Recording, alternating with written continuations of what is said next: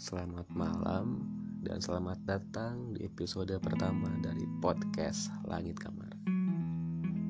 Beberapa waktu ini, media sosial sedang ramai ngomongin drama Korea yang gue judul The World of the Marriage. Drama Korea ini sangat menarik karena ia bertema tentang perselingkuhan. Ya aku nggak perlu jelasin lebih jauh kali ya karena aku yakin kamu pasti tahu. Bagaimana enggak, drakor ini begitu ramai dibicarakan. Dan kebetulan sekali, belum lama ini, belum sempat aku nonton, eh temenku cerita dia diselingkuhin. Katanya sih alasannya karena LDR terlalu lama berjarak. Ya bagaimana tidak, pandemik memaksa mereka untuk berjauhan. Yang satu di Bandung, satu lagi di Jakarta.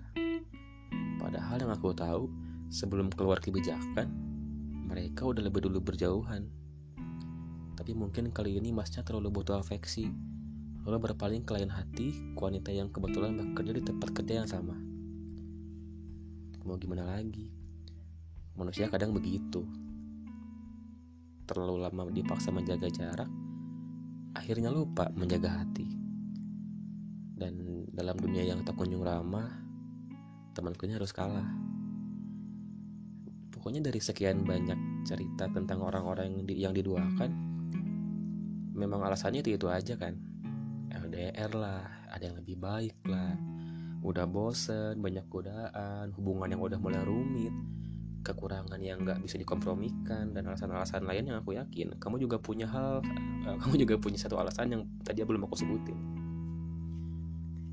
Dan di episode kali ini, aku ingin sedikit bicara soal sudut pandangku mengenai hal ini untuk menjelaskan pada kalian bahwa aku tidak akan pernah percaya pada alasan-alasan yang tadi kita sebutkan. Ini akan sedikit panjang, jadi selamat mendengarkan. Aku mulai dari dasar dulu ya. Begini, sebelum kita bahas jauh ke selingkuh, kita bahas dulu mengenai cinta. Jadi menurutku, nggak cuma secara psikis, tapi secara biologis pun, cinta juga sesuatu yang adiktif karena saat kita sedang bahagia karena orang yang kita cinta, otak kita ada namanya di situ tuh namanya hipotalamus. Ya kalian juga kalau anak hipo dah ya nggak asing lah ya. Jadi si hipotalamus ini memproduksi hormon oksitoksin. Ini tuh hormon yang berperan dalam mengurangi stres dan tekanan. Dan juga mengeluarkan hormon vasopressin yang berfungsi untuk mengatur tekanan darah. Jadi kedua zat ini nah, uh, keluar banyak nih di otak kita dan menyebabkan tubuh kita memproduksi zat yang namanya dopamin, zat yang menyebabkan kita merasakan bahagia. Terus, saat lagi berjauhan, lagi nggak bisa saling membahagiakan atau bahkan jauhnya sampai udah putus hubungan, si otak kita ini akan akan tetap nagih dopamin yang sudah terbiasa ia rasakan. Dan di saat yang sama, bagian otak kita yang bernama orbital frontal cortex yang berfungsi untuk mengatur emosi dan kontrol diri, anjay bahasanya kejauhan ya, ya sorry ya si si bagian otak ini bilang bahwa nggak bisa lagi kita udah nggak bisa lagi dapat dopamin dari dia kita udah selesai kita udah putus udah waktunya lupain dia. Nah di sini yang terjadi konflik nih di mana hipotalamusnya lagi dopamin tapi frontal orbital konteks ini meminta untuk nggak bisa dopaminnya udah nggak bisa. Jadi lu lupain aja jangan sedih lah apalah. Di situ timbul yang namanya dilema dari uh, cinta dan benci di mana kita sudah tidak bisa mendapatkan bahagia atau mungkin lagi nggak bisa kali ya. Tapi badan kita lagi tetap maksa nih. Tetap paksa bahwa biasanya kan dopaminnya ada ini kok nggak ada cuy. Mana cuy? Gue pengen gue pengen kayak gitu. Dan di saat yang sama ya kita sama-sama tahu sering kali dopamin ini yang menang. Jadi kita sering kali kita sering kali ngelamun ingat-ingat kebahagiaan yang nggak lagi kita dapatkan. Dan kadang-kadang diakhiri dengan memutar kenangan-kenangan. Kenangan-kenangan lama yang harapannya bikin kita senang bikin kita menipu uh, otak kita buat mikir bahwa dulu tuh kita bahagia apa-apa. Tapi ujungnya malah jadi sedih karena kita tahu dulu bahagia tapi sekarang udah enggak. Nah perangkat dari situ menurutku kangen juga bisa dianalogikan sebagai sakau. Begini sakau kan itu keadaan di mana badan kita nagih kita untuk kembali mengonsumsi zat-zat yang memberikan kita ketenangan dalam kasus yang dosisnya tinggi kayak narkotika gitu sakau tuh kerap datang dalam bentuk rasa sakit. Sakit uh, yang aku dengar ya. Sakit tulang sakit daging sakit apa pun itu yang memaksa diri kita untuk uh, kembali mengkonsumsi zat tersebut gitu loh. Jadi gimana kita uh, narkoba kan susah berhenti karena bukannya dia nggak mau tapi saat dia nggak mengkonsumsi tubuhnya kan memaksa dia untuk mengkonsumsi hal itu. Dengan cara sakau lah apalah gitu. Jadi kalau dia nggak mengkonsumsi tubuhnya sakit. Jadi dia terpaksa mengkonsumsi kayak gitu. Cuman bedanya kalau si sakau narkotika ini nyerang fisik nah si sakau bucin ini nyerangnya psikis.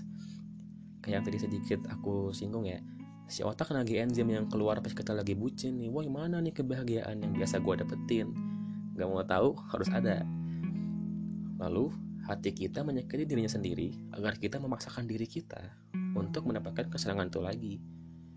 Ya, syukur-syukur kalau yang biasa memberikan bahagia ini sedang siap siaga. Gimana kalau lagi enggak? Nah, sederhananya, ibarat lagi lapar, perut kita akan merasakan perasaan yang enggak nyaman dan memaksa kita untuk makan. Dan kalau nggak ada makanan yang biasa kita makan, ya kita akan memaksakan diri. Uh, eh enggak kebalik diri kita akan memaksa kita untuk memakan apa pun yang ada untuk kehilangan laparnya. Ya kan? Nah, kadang dalam hal afeksi pun sama. Ya, itu udah ada di, di, di dalam diri kita, BTW.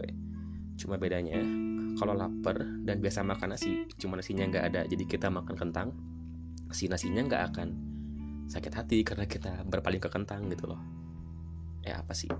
Oke lanjut ya dan kita pernah sama-sama merasakan lah ya bahwa dalam saat uh, bahwa dalam suatu hubungan tuh ada beberapa saat di mana kita terjebak dalam keadaan kita tuh nggak bisa ada untuk satu sama lain. Dan di saat-saat inilah uh, sering terjadi sakau bucin tadi. Nah, sekali lagi aku analogikan ya. Ibarat Alfamart dan Yomart. Kamu ini pelanggan setia Alfamart bertahun-tahun sampai niat bikin member cardnya. Nah, kalau suatu saat Alfamart ini tutup, ya baik tutupnya kita tahu sampai kapan ataupun nggak tahu sampai kapan ya. Nah, kamu ini mau geser belanja ke Yomart atau nunggu Alfamartnya buka? Atau ibarat makanan deh, kamu terbiasa makan cheesecake dari pasanganmu. Nah, saat pasanganmu lagi nggak bisa ngasih cheesecake, kenapa cheesecake sih? Oh ya udahlah biarin. Dan saat pasanganmu nggak bisa ngasih cheesecake atau cheesecake-nya lagi nggak enak, terus kebenaran ada nih yang nawarin cheesecake juga Nah, kamu mau ngapain? Milih nunggu cheesecake dari pasanganmu atau kamu makan yang ada? Atau bahkan saat pasanganmu masih bisa nih masih ngasih, cuman kebetulan lagi nggak enak, ya lagi nggak kayak biasa aja sih cheesecake-nya lagi kebanyakan garam lah.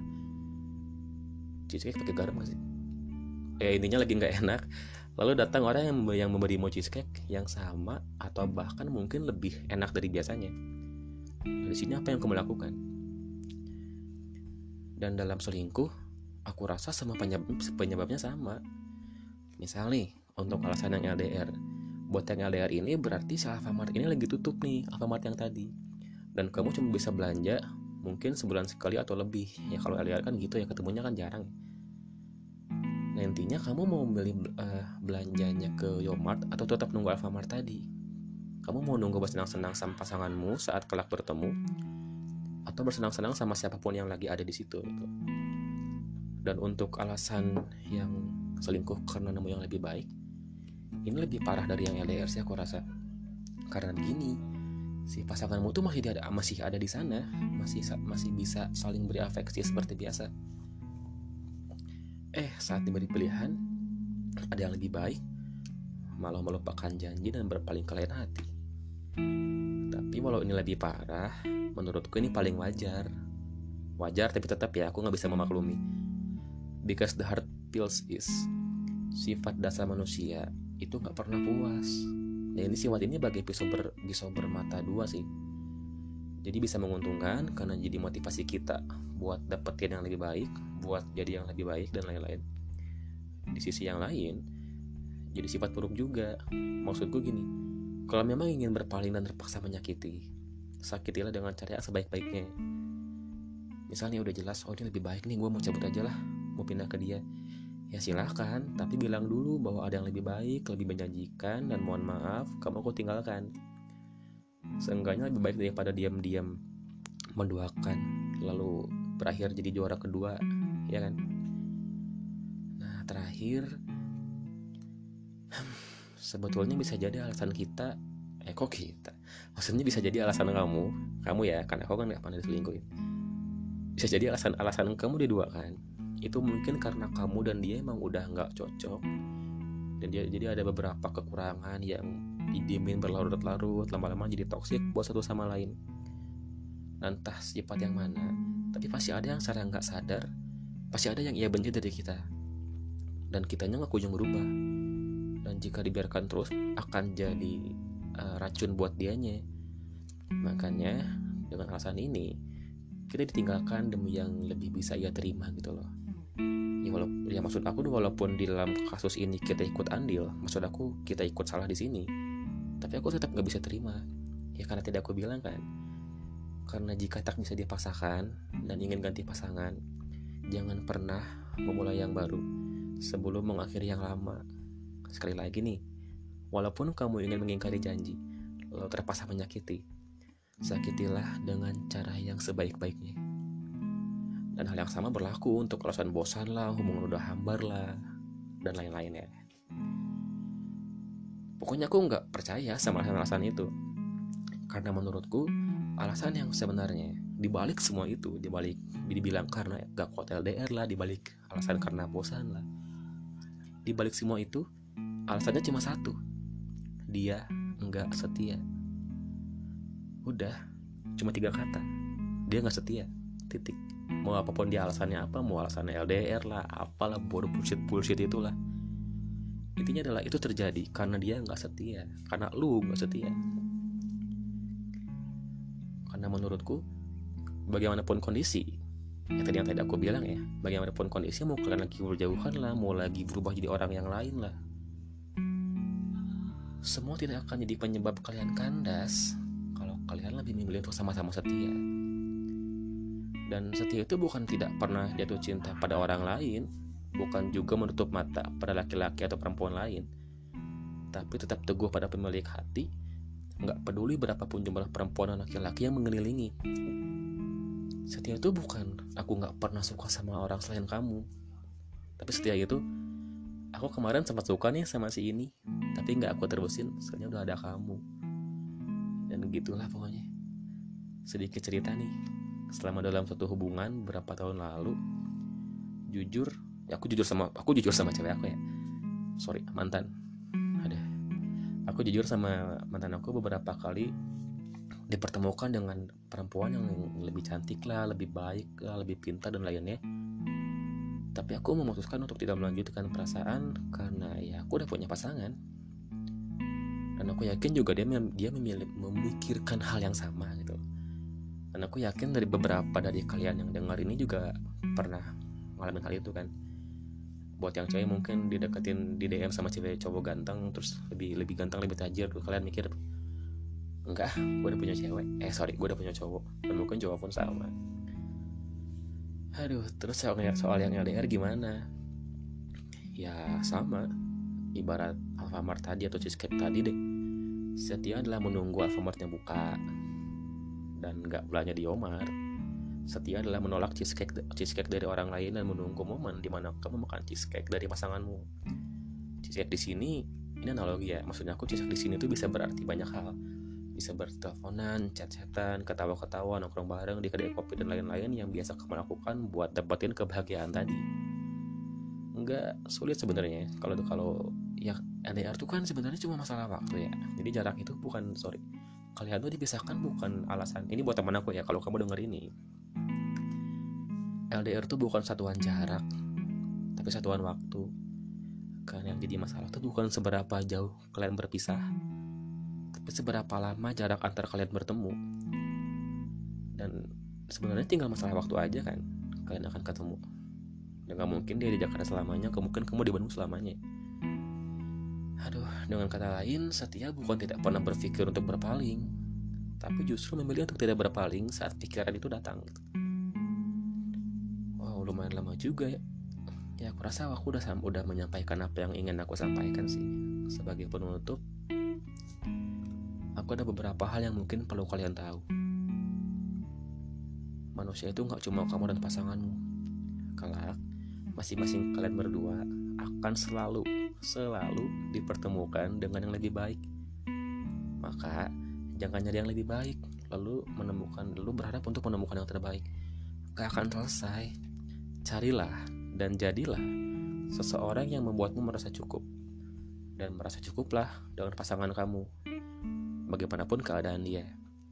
Atau akan sangat-sangat jauh lebih baik kalau kalian sama-sama berbenah diri di walaupun yang lebih baik yang lebih baik itu adalah kamu dibandingkan kamu yang kemarin terus semua yang kamu lakukan semua yang kamu berikan semua yang kamu korbankan semua yang kamu usahakan dan apa pun itu tidak akan bisa membuat orang tetap tinggal karena bukan kebaikanmu yang membuatnya tinggal, tapi dirimu sendiri. Eh, salah. Maaf. Karena bukan uh, kebaikan kamu yang bikin dia tinggal, tapi dia aja sendiri gitu loh. Karena seburuk apa pun dia, kamu kan tetap tinggal. Dan seburuk sebaik, seburuk apa pun kamu, dia juga akan tetap tinggal. Jadi, kalau kelak nih, amit-amit ya, kamu diduakan atau kamu menduakan, jangan pernah bilang pada diri sendiri bahwa aku udah berkomandan ini itu aku udah cantik ini aku udah sebaik ini kenapa masih aja bla bla bla bla apa aku kurang enggak. Kamu nggak kurang kamu udah cukup. Kamu udah melakukan yang terbaik. Cuma ya, dianya aja yang kayak taik. Jadi hubungan tidak diajukan oleh jarak ya guys. Tidak diajukan oleh orang ketiga dan lain-lainnya. Yang selama ini kita pikir itulah penyebabnya. Kesetiaan itu hancur karena ada yang membeli untuk menghancurkan. Jadi begitu di pada akhir episode ini, aku ingin meluruskan bahwa peratas loyalitas itu bukanlah keadaan yang memaksa, tapi kelakuan yang memilih. Sekali lagi aku wanti-wanti nih, jika memang tak bisa dipaksakan dan harus atau ingin berhenti, jangan pernah memulai sebelum mengakhiri yang lama. Ya segitu aja. Semoga kalian belajar sesuatu karena aku pun jujur belajar banyak hal selama proses mendapatkan pola pikir ini. Dan aku rasa ya aku ingin beringin berbagi aja. Dan mohon maaf apabila ada salah-salah. Ini masih yang pertama jadi aku masih berusaha untuk menjadi yang terbaik di podcast ini. Uh, terima kasih telah mendengarkan dan sampai jumpa di episode yang akan datang. Terima kasih